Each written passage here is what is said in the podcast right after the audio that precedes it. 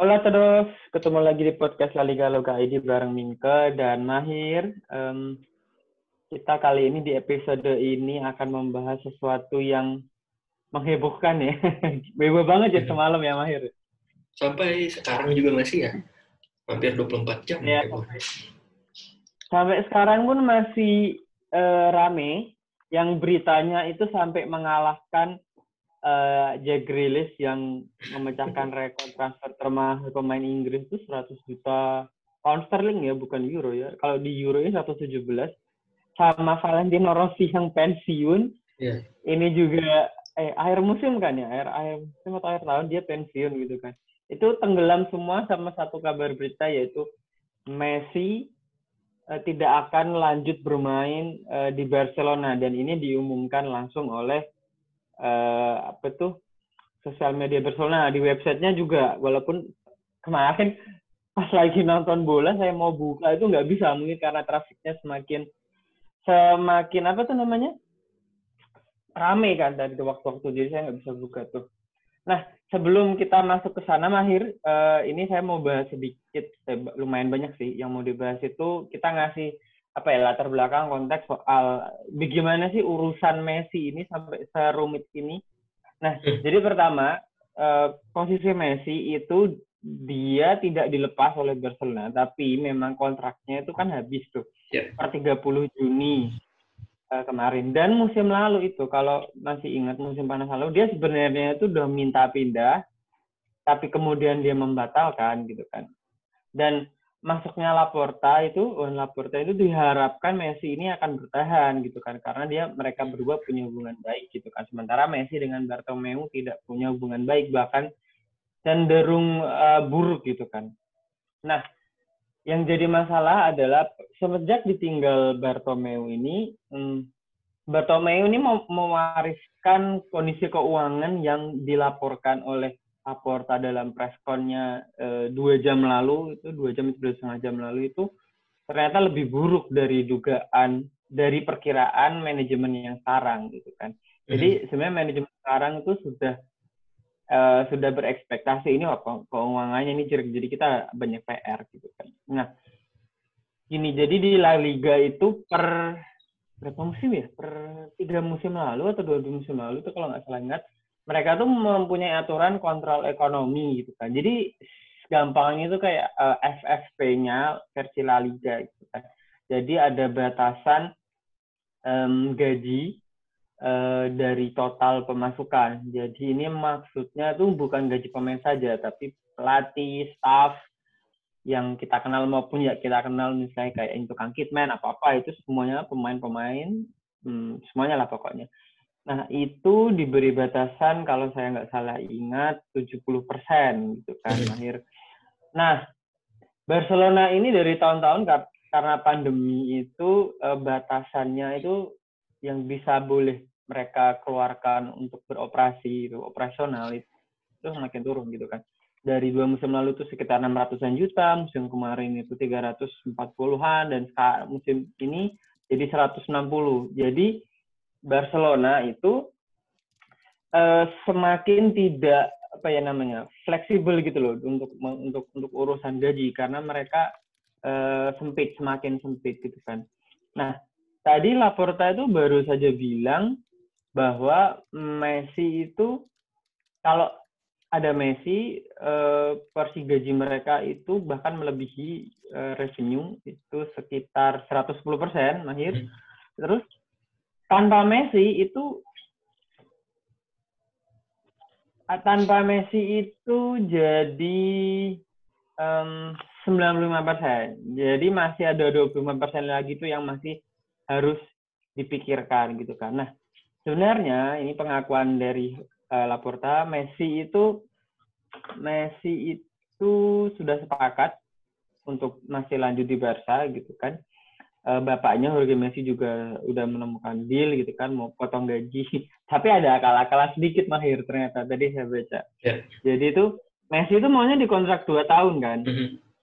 maunya di kontrak dua tahun tapi pembayarannya itu defer jadi lima tahun. lima tahun ya. Itu yang kita ya, sempat ya, uh, betul betul Uh, jadi kan agar keuangannya tiap tahun itu kelihatan baik-baik saja gitu kan. Padahal kalau dibayar uh, dalam sesuai kontrak dua tahun itu tidak baik-baik saja. Nah itu yang ditolak oleh uh, La Liga. Mhm. Nah, ini masih ada hubungannya sama CVC. CVC itu kan kemarin kita tahu menginvestigasi menginvestasi 2,7 m tuh, Mahir. Ya. Itu sebetulnya La Liga La Liga itu apa ya namanya? Memberi kesempatan Barcelona itu uh, untuk tetap punya Messi karena Messi ini kan juga kebutuhan Barca dan La Liga juga gitu kan, saling mutual gitu. Tapi um, apa ya Barca itu nggak nggak setuju dengan CVC itu kan karena mereka masih ingin menggolkan yang Superliganya itu kan European Super League. Jadi ini CVC ini kayak adu kuat-kuatan. Jadi kayak Tebas itu ngomong, kamu mau milih Messi, eh, tetap punya Messi, tapi harus ikut kami gitu. Atau kamu pilih Superliga, tapi kamu nggak punya Messi. Dan kita Hmm. tahu pagi ini, eh, bukan sore ini, Laporta sepertinya sudah memilih gitu kan. Kalau Mahir melihatnya gimana? Kalau nggak salah kemarin ada juga kan analisis bahwa ini gertakan aja Hmm. Laporta. Tapi kalau ngelihat preskon tadi sore gimana melihatnya Mahir?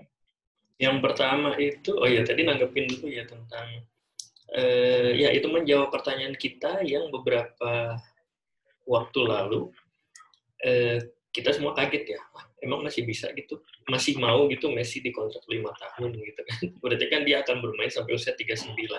Oh ternyata ini Iya. diakalin ya gitu, oke. Nah kalau berarti itu juga berarti eh, apa namanya me- menunjukkan bahwa Barcelona sebenarnya sudah melakukan segala cara supaya supaya eh, mereka masih dianggap eligible lah ya untuk berkompetisi di La Liga dengan skuad yang sekarang gitu. Tapi ternyata banyak perkembangan yang eh, tidak terduga, terutama eh, terus terang yang CPC itu saya belum terlalu baca sih ya. Tapi kalau dilihat eh, di beberapa media, memang sih Barcelona ini salary bill-nya itu sudah jauh lah ya, bahkan sudah jauh di luar batas yang ditetapkan oleh La Liga gitu. Ditambah lagi kondisi keuangan mereka selama diurus oleh presiden yang bikin jengkel pasti, bikin jengkel para fans Barcelona, Mr. Nobita ini, Bartomeu. Yang anehnya memang eh, kayak apa ya, kayak amatiran gitu. Klub salah satu klub terbesar di dunia diurusnya secara amatiran, bukan cuman di eh, di luar lapangan ya, tapi di dalam lapangan yang harusnya jadi core bisnis suatu klub sepak bola itu sangat-sangat amatiran. Hmm. Contohnya misalnya, bayangkan aja, saya barusan ngelihat pemain-pemain seperti Fran- Francesco Trincao, ya kan, itu ternyata gajinya tuh hampir selevel eh, kalau di Real Madrid mungkin melebihi Karim Benzema gitu kan itu apa-apaan itu.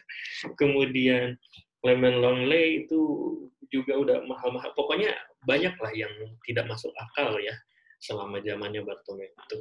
Nah mungkin kalau saya lihat memang sekarang oke Laporta terpilih lagi menjadi presiden, tapi salah satu tugasnya adalah menyehatkan kembali keuangan. tapi dia di ambang apa ya dilema lah ya. Jadi antara menyehatkan keuangan atau melepas salah satu bagian dari sejarah panjang dan pemain yang sangat dicintai bukan cuma fans Barcelona mungkin ya semua fans sepak bola di dunia mungkin meskipun haternya juga pasti banyak tapi siapa yang tidak yang tidak kagum melihat aksi-aksi Messi gitu kan. Nah, memang eh, banyak yang memprediksi itu gertakannya Laporta. Tapi kalau menurut saya sih gertakan atau tidak, memang hanya itu yang bisa dilakukan oleh Barcelona kan. Karena yang pertama, ya Messi udah bukan pemain mereka kan. Per kapan kemarin eh, 1 Agustus ya kalau nggak salah ya eh, kontraknya berakhir atau 1 Juli. Per 30 Juni kontraknya biasanya kontrak berarti 30 Juni. Berarti per 1 Juli memang dia free agent. Dia main di Copa America pun free Copa agent. Amerika. Tapi ada rencana dia akan negosiasi ulang kontrak, jadi akan di-resign tadinya kan oleh Barcelona. Tapi ternyata rencana itu hancur berantakan kalau saya di jadi uh, Laporta sih memang di pikiran saya ya udahlah dia bukan pemain kita ini kan gitu. Jadi kita bikin bombastis aja di pengumuman perpisahannya. Eh, kalaupun memang dia tidak kembali ke kita, Messi tidak tidak akan kontrak lagi dengan Barcelona, oke okay, berarti ini adalah memang perpisahan gitu kan. Toh video sudah dibuat uh, official apa namanya dan preskon tadi barusan satu jam yang lalu udah dilakukan. Oke okay, berarti ini memang sudah perpisahan buat dia, buat uh, bagian dari sejarah panjang Barcelona ini dan mungkin bisa dibilang pemain tersukses lah ya sepanjang sejarah Barcelona sampai sekarang. Hmm. Arguably gitu ya. Uh, tapi di sisi lain ini juga bisa dilihat ya itu tadi sebagai sebagai gertakan sih ya. Karena ya uh, oke okay, tadi balik lagi ini sudah bukan pemain kita. Ya udah kita bikin press release, video perpisahan segala macam, tapi toh kalau nanti dia kembali lagi, ya uh, itu kita akan terima yang pertama dan yang kedua uh, banyak memang faktor-faktor yang harus dipertimbangkan untuk Messi bisa kembali dan salah satu tantangan terbesarnya kan sejauh yang kita baca ini adalah peraturan La Liga gitu. Nah tapi kemudian uh, beralih ke poin lain apakah La Liga itu melihat kehilangan Messi menjadi suatu kerugian gitu. Nah, takutnya memang Barcelona dan La Liga itu tidak berada di satu jalan pikiran yang sama kan gitu. Karena Barcelona oke okay, melepas Messi pastilah rugi ya. Pastilah rugi karena di usianya yang ke-34 tahun selain dia memang jago bisa uh, jaminan gol gol 30 gol lah semusim dia juga masih marketable banget kan di pasaran gitu. Dia bisa mendatangkan keuntungan macam-macam dari penjualan uh, merchandise, sponsorship dan segala macam.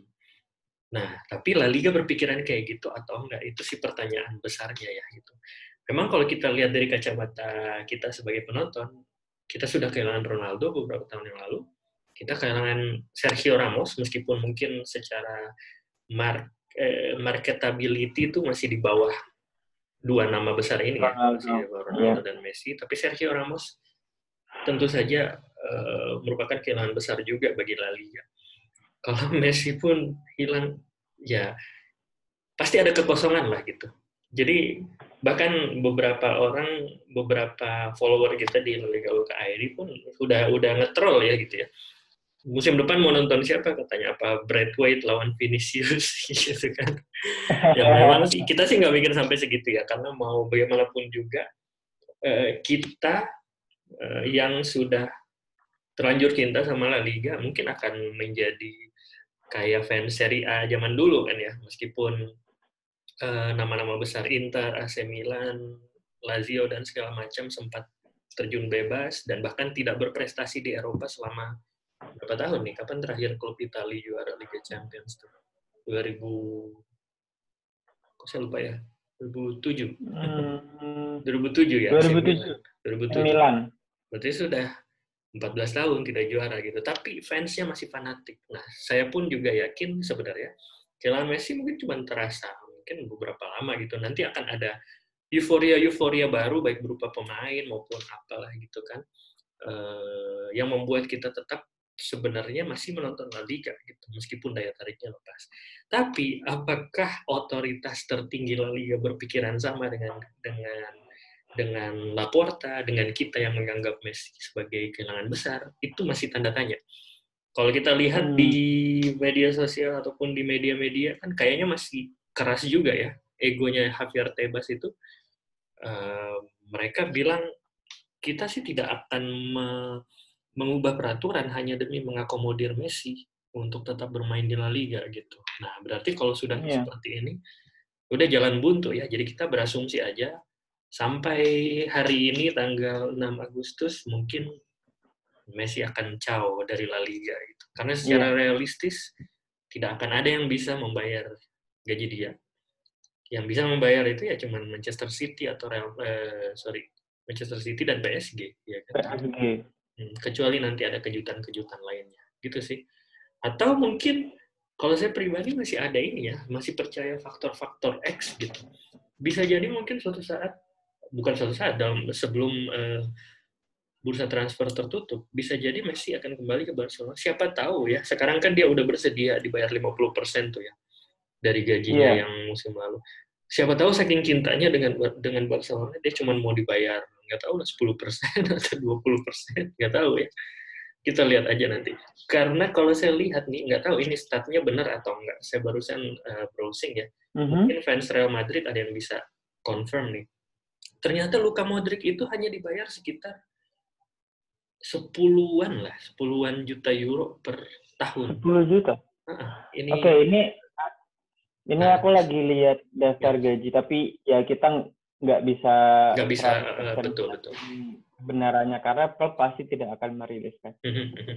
Di Barcelona yang bergaji 10 juta itu Sergi Roberto, mhm. Frenkie de Jong. Itu yang gajinya 10 jutaan. Di atasnya itu ada Usman Dembele 12 juta, Samuel Umtiti 12 juta, Samuel Umtiti, Usman Dembele. Itu bukan meremehkan mereka, tapi melihat membandingkan kontribusi, kontribusi mereka ya, betul Eh, terhadap Barcelona dibandingkan Modric terhadap Real Madrid itu kita bisa bilang fakta ya. Hmm. Menang Modric ke mana-mana gitu kan. Tapi gajinya sama atau bahkan lebih rendah itu hmm.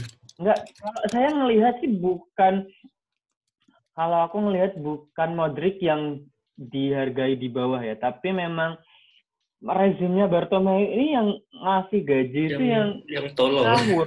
Iya ngawur ya, tolol. Betul. Dan memang kalau delapan puluh empat ribu. Ya. Seminggu loh.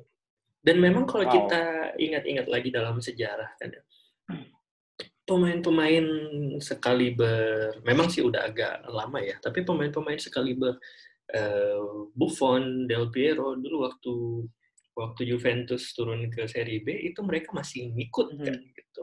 Berarti masih yeah. ada faktor cinta lah gitu ya, faktor X lah ya gitu. Nah, pertanyaannya mungkin ya kita tunggu aja apakah itu bisa terjadi juga sama Messi atau enggak. Tapi yang jelas memang nggak bisa yeah. bergantung 100% sama perasaannya Messi gitu. Ya yeah. kita juga nggak tahu lah mungkin Messi ternyata mungkin eh, bills-nya dia mungkin kan dia harus maintenance rumah lah segala macam gitu kan. Atau nggak tahu ngebiayain Betul. ngebiayain keluarganya apa gitu kan jadinya dia butuh gaji yang memang mm-hmm. udah ada standar dia sendiri itu yang bisa diperoleh hanya di Manchester City atau PSG gitu.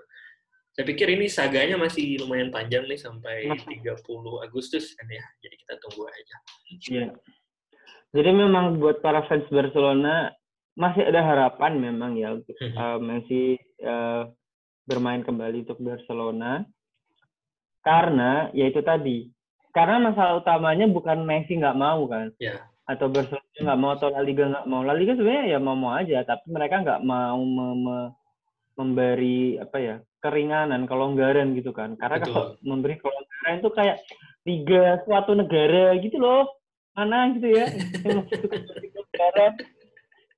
itu nah ini kalau eh, Barcelona bisa men, menjual ya atau meminjamkan atau hmm. menego beberapa pemain soal gaji untuk menerima gaji katakanlah 50 persen, 60 persen, atau bahkan 40 persen, sampai kemudian struktur gajinya ini apa itu porsinya jadi cuma 70 persen dari pemasukan, Messi bisa bisa main lagi kok karena dia sudah sepakat untuk hanya dibayar setengah dari gajinya terakhir kemarin. Ya. Gitu. Sedikit menyinggung lagi soal CVC ya sebelum kita uh, akhiri sesi khusus soal Messi. Jadi CVC ini kemarin itu kan 2,7 M itu memang diperuntukkan untuk apa itu namanya semua klub ya. Tapi hmm. pembagiannya 90% klub di La Liga, Primera, terus 10 persennya yang di Segunda. Jadi, nah tapi uang itu hanya sedikit yang boleh. Ternyata saya, saya kemarin salah kan. Kan saya bilang nggak um, boleh ya, tapi nggak boleh untuk gaji dan transfer. Tapi ternyata boleh, walaupun saya nggak tahu berapa persen, tapi, tapi boleh, tapi sedikit sekali porsinya. Sepertinya cuman um, 10 atau 20 persen gitu kan. Hmm. Nah itu itu bisa tuh sebetulnya dipakai Barcelona gitu kan. Tapi kembali lagi, Barcelona mau nggak tanda tangan yeah. untuk Sevis ini? Kalau karena kalau nggak salah ini itu harus disepakati oleh semua tim gitu kan. Mm. Disepakati oleh semua tim. Kalau dari La Liga sendiri mereka mau oh ya sorry dari Barcelona itu keberatan karena memang satu mereka masih berusaha uh, ESL itu tadi ya. Jadi dalam hal ESL ini Florentino Perez dan Juan Laporta ini satu frekuensi mereka satu meja setuju ya terus um, apa namanya jadi yang CVC itu konon ini kan bakal berlang berjalan selama 50 sekian tahun dan katanya itu uang yang didapat itu buat Barcelona dan Real Madrid ini tuh enggak sepadan gitu loh dengan mereka memvaluasi diri, diri mereka kayak gitu kan. Nah, itu makanya mereka nggak mau karena mereka merasa mereka berdua ini merasa mereka kalau berhasil mewujudkan ESL itu akan dapat uang jauh lebih banyak kayak gitu. Makanya Barcelona ini masih sekarang ya masih belum mau tanda tangan. Ya. Kalau mau tanda tangan, La Liga itu ya itu tadi ada beberapa porsi uang itu bagian mereka yang bisa dipakai untuk uh, dicatat sebagai pemasukan kan. Jadi gap itu namanya batasan gajinya bisa naik dan Messi bisa um, dikontrak lagi. Jadi ini ya kayak Tebas tadi bilang, kamu mau pilih Messi atau e ESL? Silakan kayak gitu dia. Oh, satu pertanyaan terakhir deh sebelum kita tutup. Mahir, kita kan sudah sering membahas ini bahwa uh, La Liga itu terlalu tergantung kan dengan ya. Messi yeah. dan Ronaldo kan gitu kan. Apakah kalau misalnya La Liga kekeh dan akhirnya Messi tidak um, tidak bermain lagi untuk Barcelona, apakah ini keputusan yang bagus dalam jangka pendek dan jangka panjang? Kalau Mahir lihatnya gimana? Hmm, meskipun mungkin Messi pergi, eh, karena mereka karena La Liga sudah terbiasa brandingnya itu figur ya mungkin dalam beberapa tahun ke depan, mungkin lima tahun ke depan, mereka masih akan munculin figur baru. Misalnya Mbappe, misalnya musim depan atau uh, ya musim depan ke Real Madrid, mungkin pasti yang ditonjolkan pasti itu ya. Atau dari misalnya di Barcelona sendiri, kalau Messi beneran nggak balik lagi, ya mau nggak mau mungkin kayaknya Barcelona iya. maksimalkan Griezmann atau atau De Jong mungkin ya untuk ke depannya gitu atau Memphis tuh di di uh, boomingkan banget gitu. Uh, atau mungkin dari Atletico Madrid ya brandingnya gimana lah mungkin munculin Depal, Suarez ke depannya. Ya, paling Suarez. Suarez. Gitu. Uh, tapi memang ya itu sih PR besarnya La Liga. Gimana mereka nggak usah deh mikirin mau seperti apa uh, IPL gitu kan kita udah sering bahas. Tapi gimana supaya misalnya jadi Bundesliga lah ya gitu. Bundesliga meskipun ada kesenjangan antara uh, Bayern Munchen dan klub-klub lain, tapi toh mereka nggak pernah.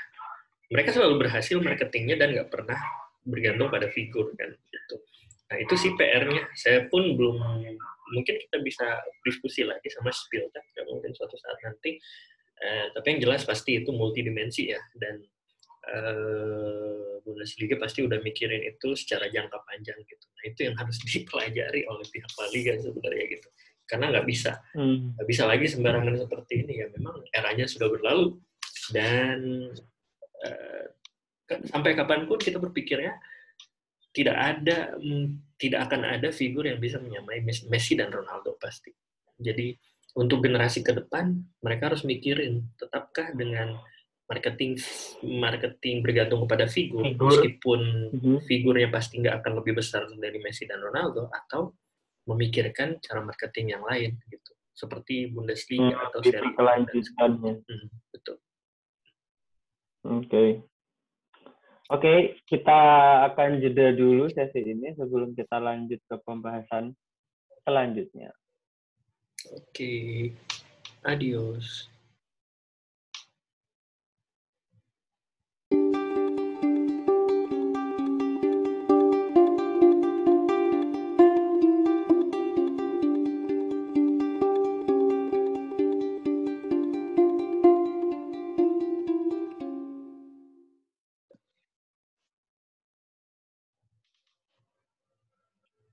Ya, ketemu lagi kita di sesi 2 ya. Sekarang masih bareng Mingke dan Mahir. Sekarang kita akan membahas um, Olimpiade.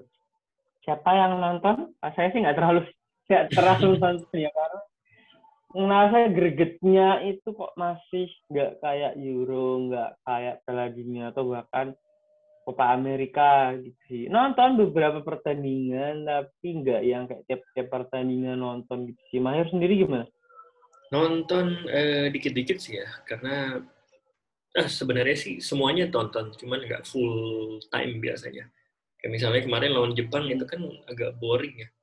Jadi on off gitu apalagi sambil kerja kan terus ya hmm. baru intens nontonnya pas extra time yang akhirnya mereka menang menang Asensio hmm. ya, tapi kalau dilihat yang menarik yang yang menarik kemarin itu kalau nggak salah kemarin nonton apa ya highlight kalau nggak salah. Si Asensio itu dia buka baju terus membungkuk kalau ya. Jepang gitu kan kayak minta maaf. Ya karena Jepang kan tuan rumah kan ya. Dan eh, itu common gesture aja sih ya kayak sepertinya ya. Hmm. jadi kalau dilihat juga kan semua orang mungkin respect lah sama perjuangan Jepang ya. Apalagi di penyisihan mereka membantai Perancis itu di luar dugaan banget dan mereka hmm. udah nyampe semifinal menurut saya keren sih hmm, tapi kalau dilihat secara keseluruhan memang eh, Brazil dan Spanyol ya yang dua yang ketemu di final ini memang ya, kelasnya memang masih di atas dibanding uh, para pesaing-pesaing lain. Bahkan dibandingkan dengan Jerman, Prancis, uh, ada mungkin semacam gap ekspektasi mungkin ya kalau saya melihatnya ya. Karena kalau dilihat Brazil itu masih bawa kayak kayak Dani Alves ya yang udah senior 38 tahun tapi uh, yeah masih bawa pemain-pemain kayak Richard Leeson gitu kan. Kemudian ada beberapa pemain uh, yang dibawa Spanyol juga. Tujuh malah kan dari dari Euro dibawa ke Olimpik hmm. termasuk Pedri yang ya, sangat enggak. butuh istirahat. 70 kalau dia main nanti eh dia main kapan sih besok ya? Besok ya itu itu adalah laga ke-73-nya musim ini. 73 padahal normalnya kalau misalnya satu pemain ya hmm, satu uh, musim main penuh itu kan berarti 38. Ya. Terus sama Liga Champions sama apa katakanlah dia main sekitar 50-an lah ya. Itu udah banyak banget gitu kan. Ya. 73 itu nggak kebayang. Bahkan ada yang ngebahas katanya Petri bermain sepanjang tahun 2020-2021 itu lebih banyak daripada jumlah penampilan Neymar selama memperkuat PSG. Padahal udah empat tahun.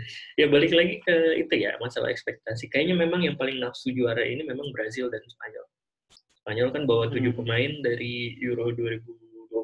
Sekarang eh, tujuh pemain termasuk Pau Torres, Pedri, Oyarzabal dan semacam uh, dan dan teman-temannya itu digabung dengan pemain-pemain muda kayak Kurela, uh, siapa uh, Dani Olmo, oh sorry Dani Olmo udah dari ini ya. Tapi bergabung juga dengan nama-nama uh, yang nama-nama terkenal yang tidak dibawa ke Euro 2020 kayak tadi ya uh, Asensio, kemudian pemain-pemain muda kayak ini idola saya pribadi ya Rafa Mir itu yang pasti nanti harganya naik hmm. di bursa Simic. transfer. Iya katanya mirip uh, Marco Simic kalau menurut follower kita.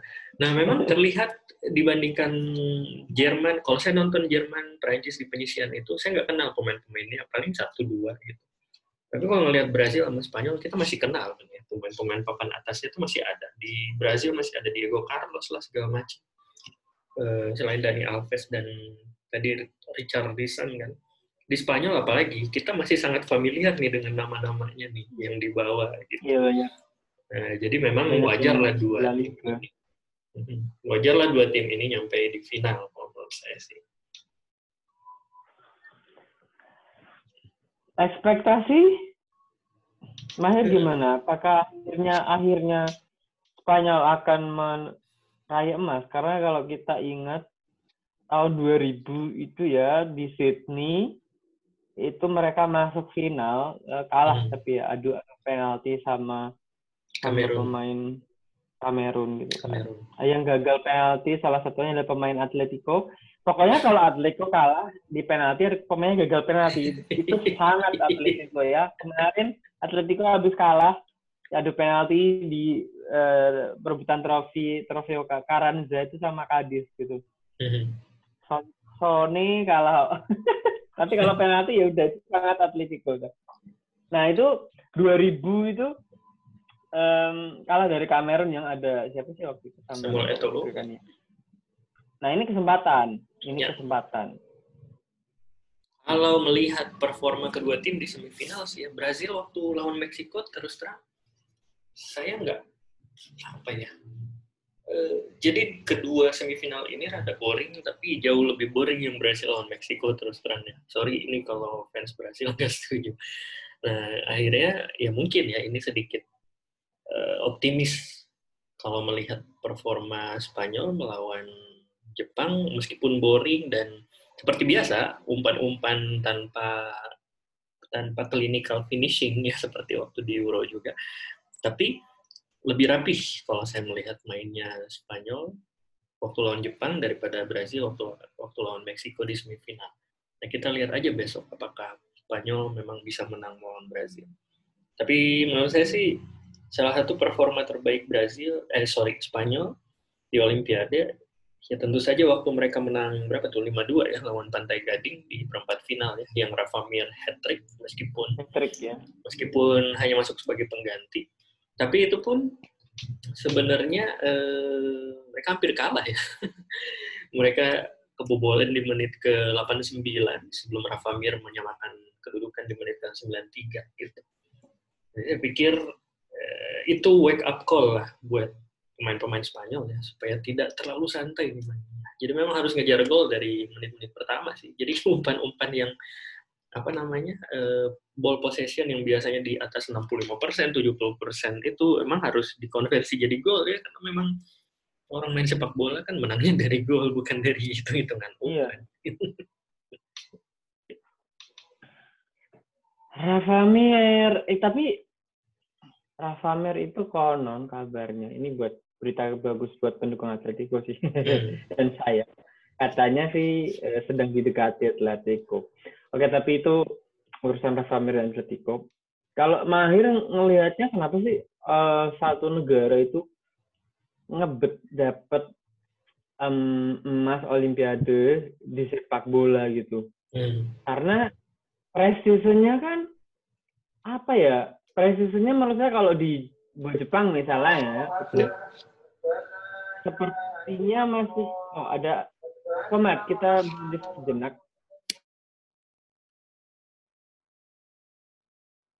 Em, apa namanya? Presisinya itu kan nggak kalau kalau Jepang ya sebenarnya presisinya masih kalah dibandingkan kalau dia menang eh, Piala Asia gitu kan.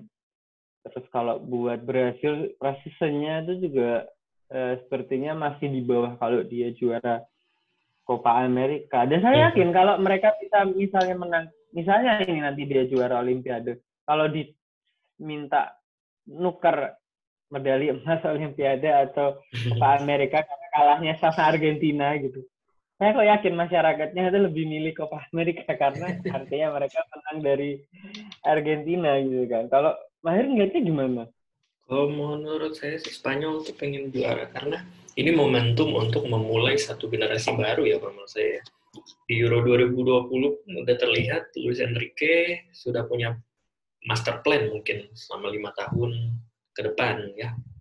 Ya mungkin dalam jangka pendek mungkin dua tahun ke depan dulu sampai Piala Dunia, kemudian lima tahun ke depan kalau dia masih dipercaya gitu. Dan Hmm. eh, kalau dilihat kan tulang punggungnya mulai beralih ke pemain-pemain muda kan. Pedri pasti.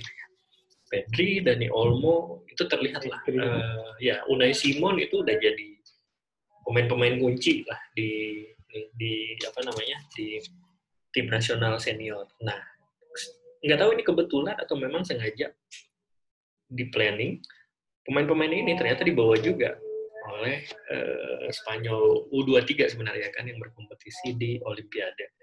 Nah, kayaknya memang lagi digambleng sih ya. Dan mereka nanti akan jadi uh, leader-leadernya tim nasional Spanyol ke depan. Pedri, Unai Simon, Dani Olmo, Oyarzabal, ya kan, Pau Torres gitu.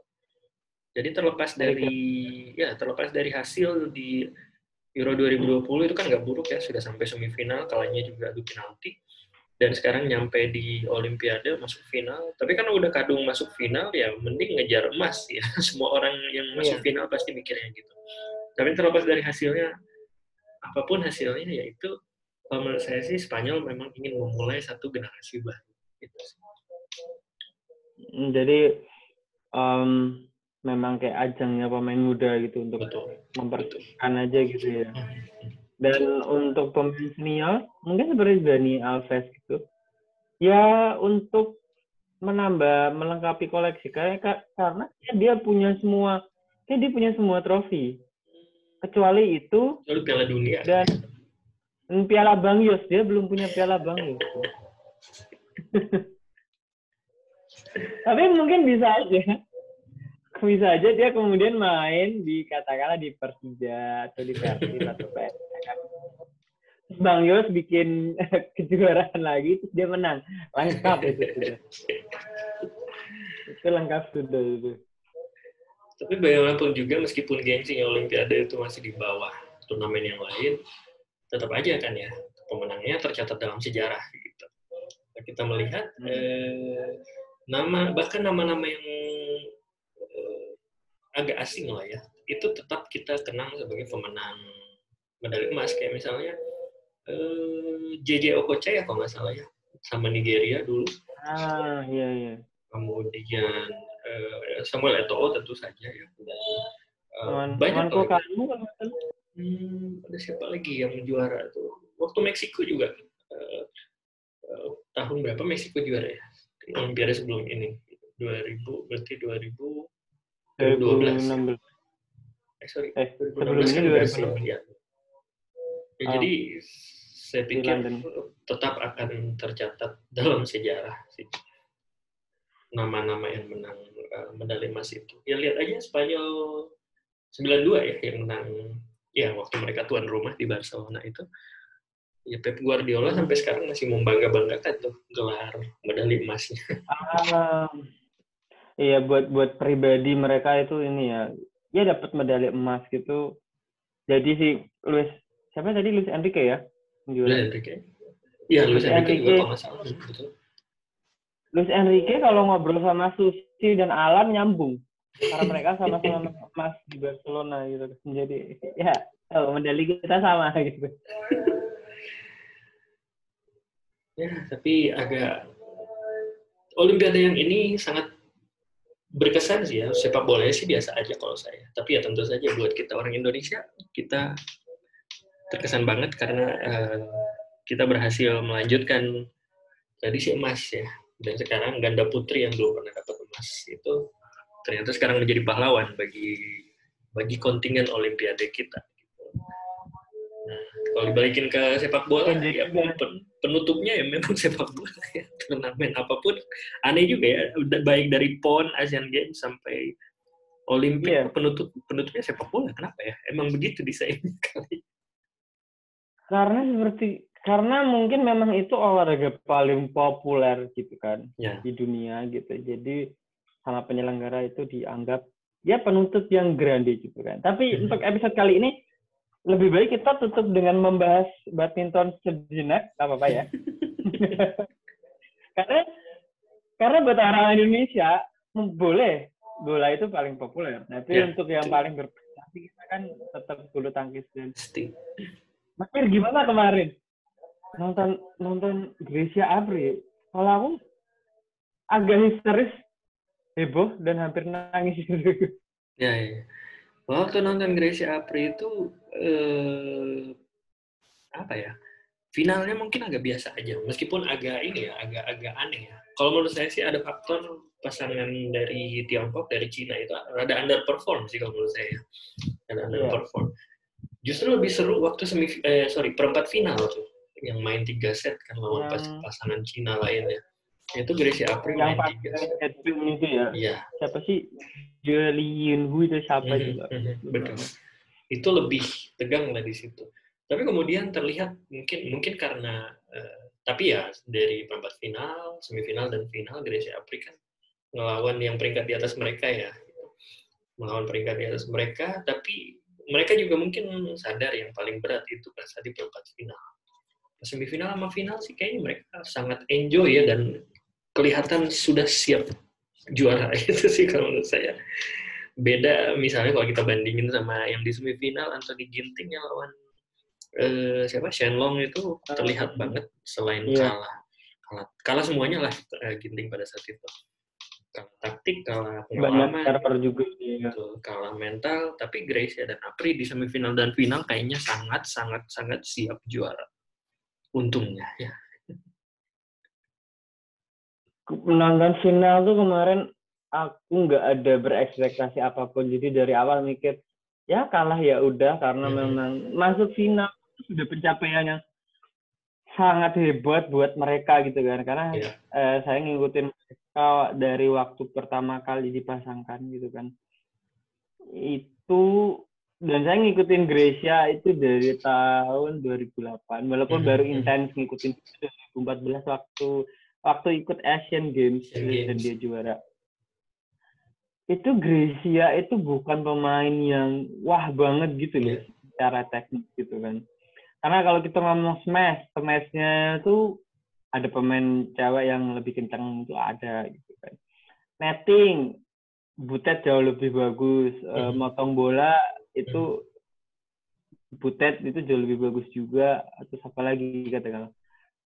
Service itu justru malah yang paling sering dikritik yeah. kan. Jadi si Grecia ini kalau tapi punya keistimewaan dia juga kayak punya ya kalau bola belum jatuh dia akan kejar terus. Dan kalau di defense-nya itu memang bagus sih memang bagus. Bola itu dia jatuh pokoknya ngejar mau ke belakang depan dia jatuh apa itu dia kejar itu itu itu memang keistimewaan. Tapi saya nggak saya jujur nggak pernah melihat dia sebagai pemain elit. Makanya hmm. kemarin bisa masuk itu kayak hmm. wow wow dan um, apa ya? Ini juga faktor yang sering dibahas oleh para penikmat badminton maupun pengamat ya. Jadi ada momen yang sepertinya memang lewat ya. Seandainya mungkin Olimpiade terlaksana tahun lalu, mungkin bisa berbeda, gitu. bisa berbeda hasilnya. Jadi banyak, misalnya kayak Jepang nggak dapat gelar apa-apa. Kan? Nggak dapat emas, nggak dapat emas sama sekali. Perak pun enggak. Nggak ada, nggak ada. Dan ya kekecewaan terbesar datang dari Kento Momota kan padahal sebenarnya tahun 2020 itu serem banget ya Momota itu ya. Tapi ternyata eh sorry 2019 ya 2020 udah 2019 dan tentu saja eh, Marcus Kevin Minions ya pasangan Minions kita. Tapi ternyata 2021 mungkin selain masalah mental ya mungkin ada momentum yang seolah hilang gitu.